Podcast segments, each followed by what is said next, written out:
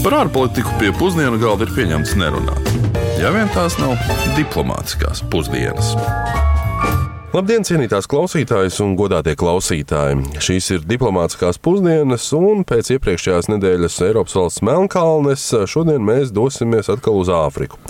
Bet pirms uz turieni dodamies, jāpiezīmē, ka mums bija kāda visnotaļ interesanta diskusija ar vienu no mūsu klausītājiem, kas atzīmē, ka iepriekšējā raidījumā tika minēts par Melnkalni kā vienu no jaunākajām pasaules valstīm, kas ir izveidota un ANO atzīta tikai 2006. gadā. Nu, mēs tomēr gribētu palikt pie šīs versijas, lai arī, protams, ir jāatzīst, ka Melnkalna kā teritorija un tās apzīmējums pastāv jau kopš 15. gadsimta, un atsevišķi vēsturiski elementi tiek datēti vēl senāk. Respektīvi, kā modernā neatkarīgā valsts, Melnkalna pastāv nepilnīgi 20 gadus. Nu, labi, tagad dosimies gan uz mūsu šodienas valsts, un tā ir Malavijas republika, nu, kurai, starp citu, arī tiek piedāvāta vairāk nekā tūkstoti gadus sena vēsture. Protams, nu, ne mūsdienu valstiskuma formā. Mūsdienās Malavijā dzīvo nedaudz vairāk nekā 21 miljonus cilvēku, un valsts atrodas Dienvidrietumā Āfrikā. Starp citu, Malavijai ir tā pati laika josla, kas mums. Tas pat ir ļoti būtisks fakts. Malāvija atrodas gar lielo rifta ielēju. Tā ir raksturīgais daudzveidīgs ainavs, tostarp arī kalni. Malāvijā arī atrodas slavenais Malāvijas ezers. Tas ir trešais lielākais un otrais dziļākais ezers Āfrikā. Ezers aizņem aptuveni piekto daļu no valsts teritorijas, un tajā ir vairāk nekā tūkstoši sugu zivju, no kurām daudzas ir endēmiskas un, kas vēl būtiskāk, tās ir gaužām krāsainas. Nu, un ezers tāpēc arī ir UNESCO pasaules mantojuma objekts un attiecīgi būtisks turistu magnēts. Ne, par turismu runājot, Malāvija tās draudzīgo un viesmīlīgo cilvēku dēļ esot iesaukuši par Āfrikas silto sirdi. Bet pats nosaukums Malāvija ir aizgūts no vārda marāvija, kas nozīmē liesmas, kuras it kā varot gaismas apļu formā redzēt naktsnīgajās debesīs. Nu, Es tā ilgi un dikti domāju, kā šo saprast, un pieļauju, ka domāts ir zvaigznes un zvaigznāji. Um, papildus valsts uzreiz pēc izveides saucās Ņasalande. Um, par Malāviju to pārsauc divus gadus pēc neatkarības iegūšanas no Lielbritānijas, un neatkarību valsts iegūta 1964. gadā. Bet tagad gan paklausīsimies, ko par Malāviju mums būs sarūpējis Rihards Plūme ielu intervijās. Malāvija, vai tāda ir dzirdēta? Ir dzirdēta, nu, bet jāpadomā, kur viņa atrodas. Malāvija, varbūt Āzijā. Nu, nevar pateikt uzreiz. Malāvija ir dzirdēta, bet viņa vai no Āfrikā vai Āzijā precīzi nepateikšu. Jā. Mhm. Dzirdēt, ir. Jā. Nē, nu, es esmu dzirdējis, kartē es neiebraukšu, pat nepateikšu, kurā vietā tas atrodas. Bet, godīgi sakot, baigi ne ar ko. Nu, tāda droši vien nebūs tāda pirmā, kas uzreiz liekas, ka ir svaigā atmiņā dzirdēt Malāziju vēl varbūt, bet, bet Malāvija ne, nekādas asociācijas neraisa. Malāvijas oficiālā valoda ir angļu valoda, bet visplašākā sarunu valoda ir čičeva, bantu valoda. Malāvijā gan sadzīvot dažādas etniskās grupas - Čevā, Ņaņā, Tumbukā, Jao, Lomvā, Senā, Tongā, Gonī un Gondē. Lai arī valsts nodibināja republikānisko pārvaldību 66. gadā, atsakoties no Britu karalienes Elizabetes II kā valsts galvas, gandrīz trīs desmitgadus līdz pat 1994. gadam Malāviju pārvaldīja autoritārais Hastings kā mūzu banda. Valstī faktiski pastāvēja tikai Malāvijas kongresa partija, un režīmam bija raksturīgi cilvēktiesību pārkāpumi, politisko un pilsonisko brīvību ierobežošana.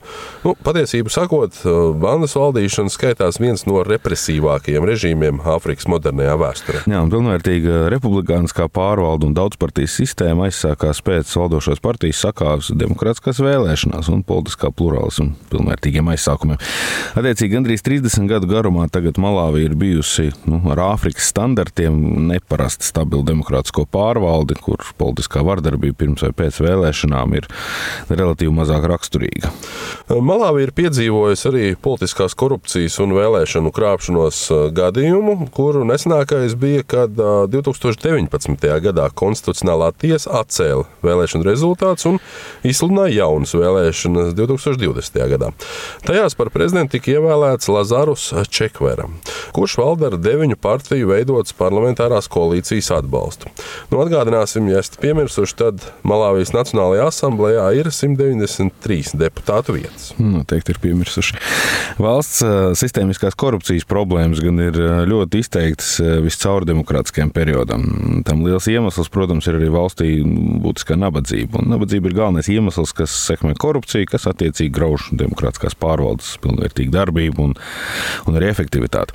No valsts politikā gan jāsaka, ir virkni dīvainību bijuši raksturīgas. Un viens no piemēriem, kas nedaudz sasaucas ar nu pat Latvijā cilvēku prātus nodarbinājušo problēmu par iepriekšējā valsts premjerministra iztērētajiem budžeta līdzekļiem lidmašīnu braucienos. Nu, tad Malavijas gadījumā bija viens līdzīgs stāsts. Nu, konkrēti runa ir par bijušās Malāvijas prezidentes Džoisas bandas rīcību, kad valsts ekonomisko problēmu risināšanai 2012. gadā slavenā un Āfrikā ietekmīgā Džoisa banda pārdeva prezidentālo lidmašīnu. Nu, tā bija luksus lidmašīna, kuras vērtība tika lēsta virs 14 miljoniem eiro. Nu, to kopā ar 60 Mercedes markas automašīnām bija iegādājies viņas priekšgājējs prezidenta amatā. Jā, nu šī prezidentālā lidmašīna, kur iegādājās viņas priekšgājējs prezidents, bija jau tad jau kļuvusi bēdīgi slavena, tāpēc ka savas, savas cenas dēļ un valstī vienkārši nevarot to atļauties. Bet, kas būtiski pieminēt, tad Džoisas bandas uzvārdam ir tikai sakritība ar iepriekšējo Malāvijas diktatoru bandu, un radinieki viņi nebija. Un vēl vairāk Džoisas banda bija kļuvusi slavena un ietekmīga kā politiska aktīvista un sieviešu tiesību veicinātāja Malāvijā jau pirms kļūšanas par prezidentu. Un prezidēšanas laikā viņa tika vairāk kārtīgi ierindota žurnāla Forbes sarakstos par pasaulē ietekmīgākajām sievietēm, un 2012. gadā viņa pat tika atzīta par ietekmīgāko sievieti Āfrikā. Nu, protams, šim par labu nāca droši vien arī fakts, ka banda vispār bija tikai otrā prezidenta sieviete mūsdienu Āfrikas kontinentu vēsturē. Vēl bez luksus autoparka un lidmašīnas pārdošanas prezidenta arī par 30% samazināja savu amata mēneša algu. Nu, šeit gan jāpiebilst, ka tāpat viņa mēnesī turpināja saņemt apmēram 2,5 tūkstošus eiro lielu atalgojumu, un tas Malāvijas nabadzīgajai ekonomikai, kas kopumā ir vairāk nekā 23 reizes mazāka nekā Latvijā, raugoties no IKP uz vienu iedzīvotāju, nu, ir ļoti pasakains cipars. Nē, nu, pirms gan mēs pilnvērtīgi pārējām uz ekonomikas apspriešanu, gribu vēl pieminēt kādu, mūsuprāt, visnotaļ interesantu lietu, ko novērojām. Un tas arī cieši saistīts ar sieviešu tiesībām un iespējām. Un runa ir par to, ka Malāvijas bruņotajos spēkos jau 2000. gadā sievietēm atļauj pilnvērtīgi dienēt, tostarp arī nu, pilnos kaujas apstākļos. Protams, lielākā daļā pasaules valstu sievietes bruņotajos spēkos netiek iesaistītas kaujas operācijās. Nu, tas valstu skaits ir ap desmit parasti, kuras pieļauj pilnvērtīgu militāro dalību sievietēm. Bet Malāvijas sieviešu tiesību aizstāvju spiedienu rezultātā valsts atļaus sievietēm kļūt par pilnvērtīgu daļu no aizsardzības spēkiem. Nu, tas gan tiek rēķināts, ka šobrīd joprojām ir apmēram tikai 5% no visas Malāvijas armijas, un arī pirmā sieviete, pulkoša leitnanta rangā, nonāca tikai 2016. gadā. Un ņemot šo visu vērā, mēs sapratām, ka mums intervijā ir jāpavaicā pastāstīt, kādēļ sieviešu pilnvērtīga dalība valstu bruņotajos spēkos vispār ir nozīmīga. Un, un intervijā par šo tēmu mums laimi piekrita bijusī NATO ģenerālsekretāra vietniece un tagadējā speciāla uzdevuma vietniece Latvijas ārlietu ministrijā Baiva Braža. Lūk, viņas stāstītais.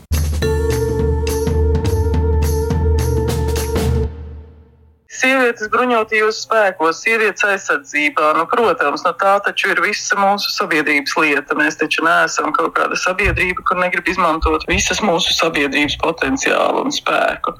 No otras puses, protams, tās ir arī kaut kādas zināšanas un prasmes, kuras nevajadzētu liekt vienai daļai sabiedrības. Nu, mēs taču ļoti labi saprotam, ja pienāk kaut kāds krīzes laiks, ja pienāk kaut kāds brīdis, kad tādas arī bruņoto spēku lietošanas prasmes ir nepieciešams. Nu, protams, ka arī sievietēm tās ir vajadzīgas. Tā kā tik tālu, cik tālu tas attiecas uz Latviju, es domāju, ka tas būtu pat pilnīgi, pilnīgi obligāti. Tālāk jau par tiem veidiem, kā tas tiek darīts, kur to iekļaut, vai tā ir daļa no skolas izglītības vai universitātes vai vēl kaut kā tālāk, vai saīsinātie, paplašinātie kursus rezervisti, nu, tas jau ir cits. Bet tas, ka tas obligātais dienas attiecas tikai uz vīriešiem un sievietēm, tas ir brīvprātīgi, nu, tas ir vieglprātīgi no mūsu puses. Labi, tas ir tik tālu, cik tālu tas ir par Latviju pašu. No plašāka skata punkta, protams, mums ir jāapzinās to, ka līdz ar tehnoloģiju attīstību mainījušies arī bruņoto spēku eh, veidi, prasmes, kas tur vajadzīgas, zināšanas. Tā kā es domāju, arī tādā NATO līmenī šobrīd eh, tas, ko mēs mēģinājām pēc iespējas plašāk iekļaut sievietes, viņu zināšanas, prasmes gan bruņoto spēkos, aizsardzības politikā, plānošanā un citur.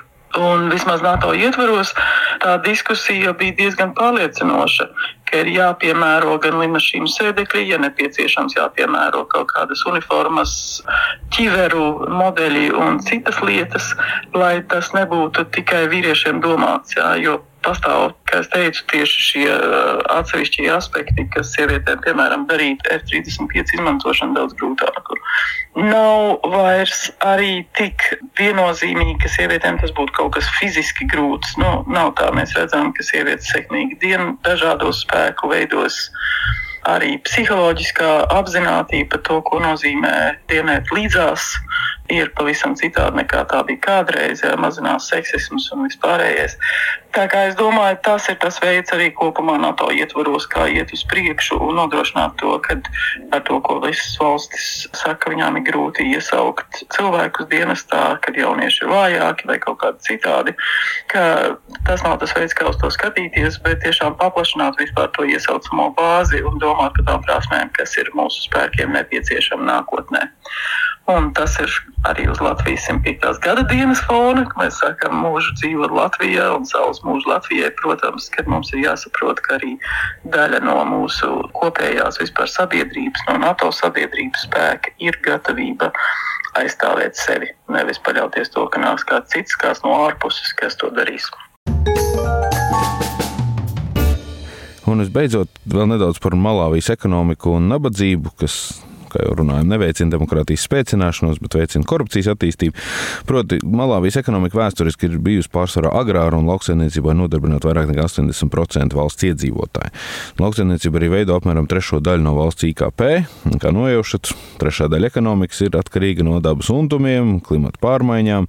Nu, vēl vairāk, ja ne tikai sausums un plūdi, tad arī cenu svārstības pasaules tirgos un tirzniecības eh, ierobežojumi grauj jau tā šo trauslo balansu.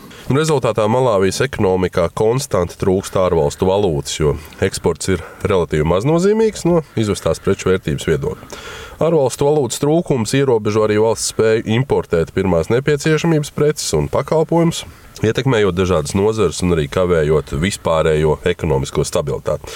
Un, lai risinātu šos ekonomiskos izaicinājumus, valsts ir iezīmējusi ambiciozus mērķus, proti, līdz 2063. gadam. Tas ir interesants datums. Pārveidot valsti par bagātu, pašpaļāvīgu un industriāli attīstītu tautu ar vidēji augstiem ienākumiem. Jā, vīzija ir uzsvērta sekojoši galvenie virzieni - lauksaimniecības komercializācija, industrializācija un urbanizācija.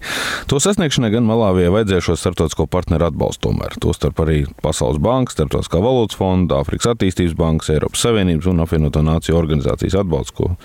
Nu jā, jo jau šobrīd šīs organizācijas faktiski sniedz Malāvijai gan finansiālu, gan tehnisku palīdzību dažādās nozarēs, tostarp gan veselības aprūpē, izglītībā, infrastruktūrā, sociālās aizsardzības, pārvaldības un arī vidas jomās. Nu, acīm redzot, ar tabakas, tējas, cukuru un kafijas eksportu, kas pašlaik dominē tirzniecības bilancē, diemžēl, nepietiek, lai sāktu uzkrāt pietiekami daudz naudas, lai to jau šobrīd būtu iespējams dažādot un padarīt tehnoloģiski mūsdienīgāku un sarežģītāku.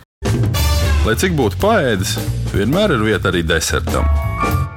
Un desertā vēl pavisam īsi par vēl vienu interesantu ar pārtiku un tehnoloģijām saistītu faktu. Proti, Malāvija kļuva par pirmo valsti pasaulē, kur Karlsberga atvēra rūpnīcu ārpus Dānijas. Un, kas vēl interesantāk, domu par rūpnīcas atvēršanu ierosināja bijušais Dānijas ārlietu ministrs Pērs Hekerups. Proti, viņš savas izdzīves laikā Malāvijā 1966. gadā bija ļoti neapmierināts ar alu, kas viņam vizītes laikā tika pasniegts, un norādīja, ka Karlsberga būtu jāatver alus rūpnīca valstī. Jā, un tā kopš 1968. gada Karlsberga uzsāka alus ražošanu nelielajā Āfrikas valstī.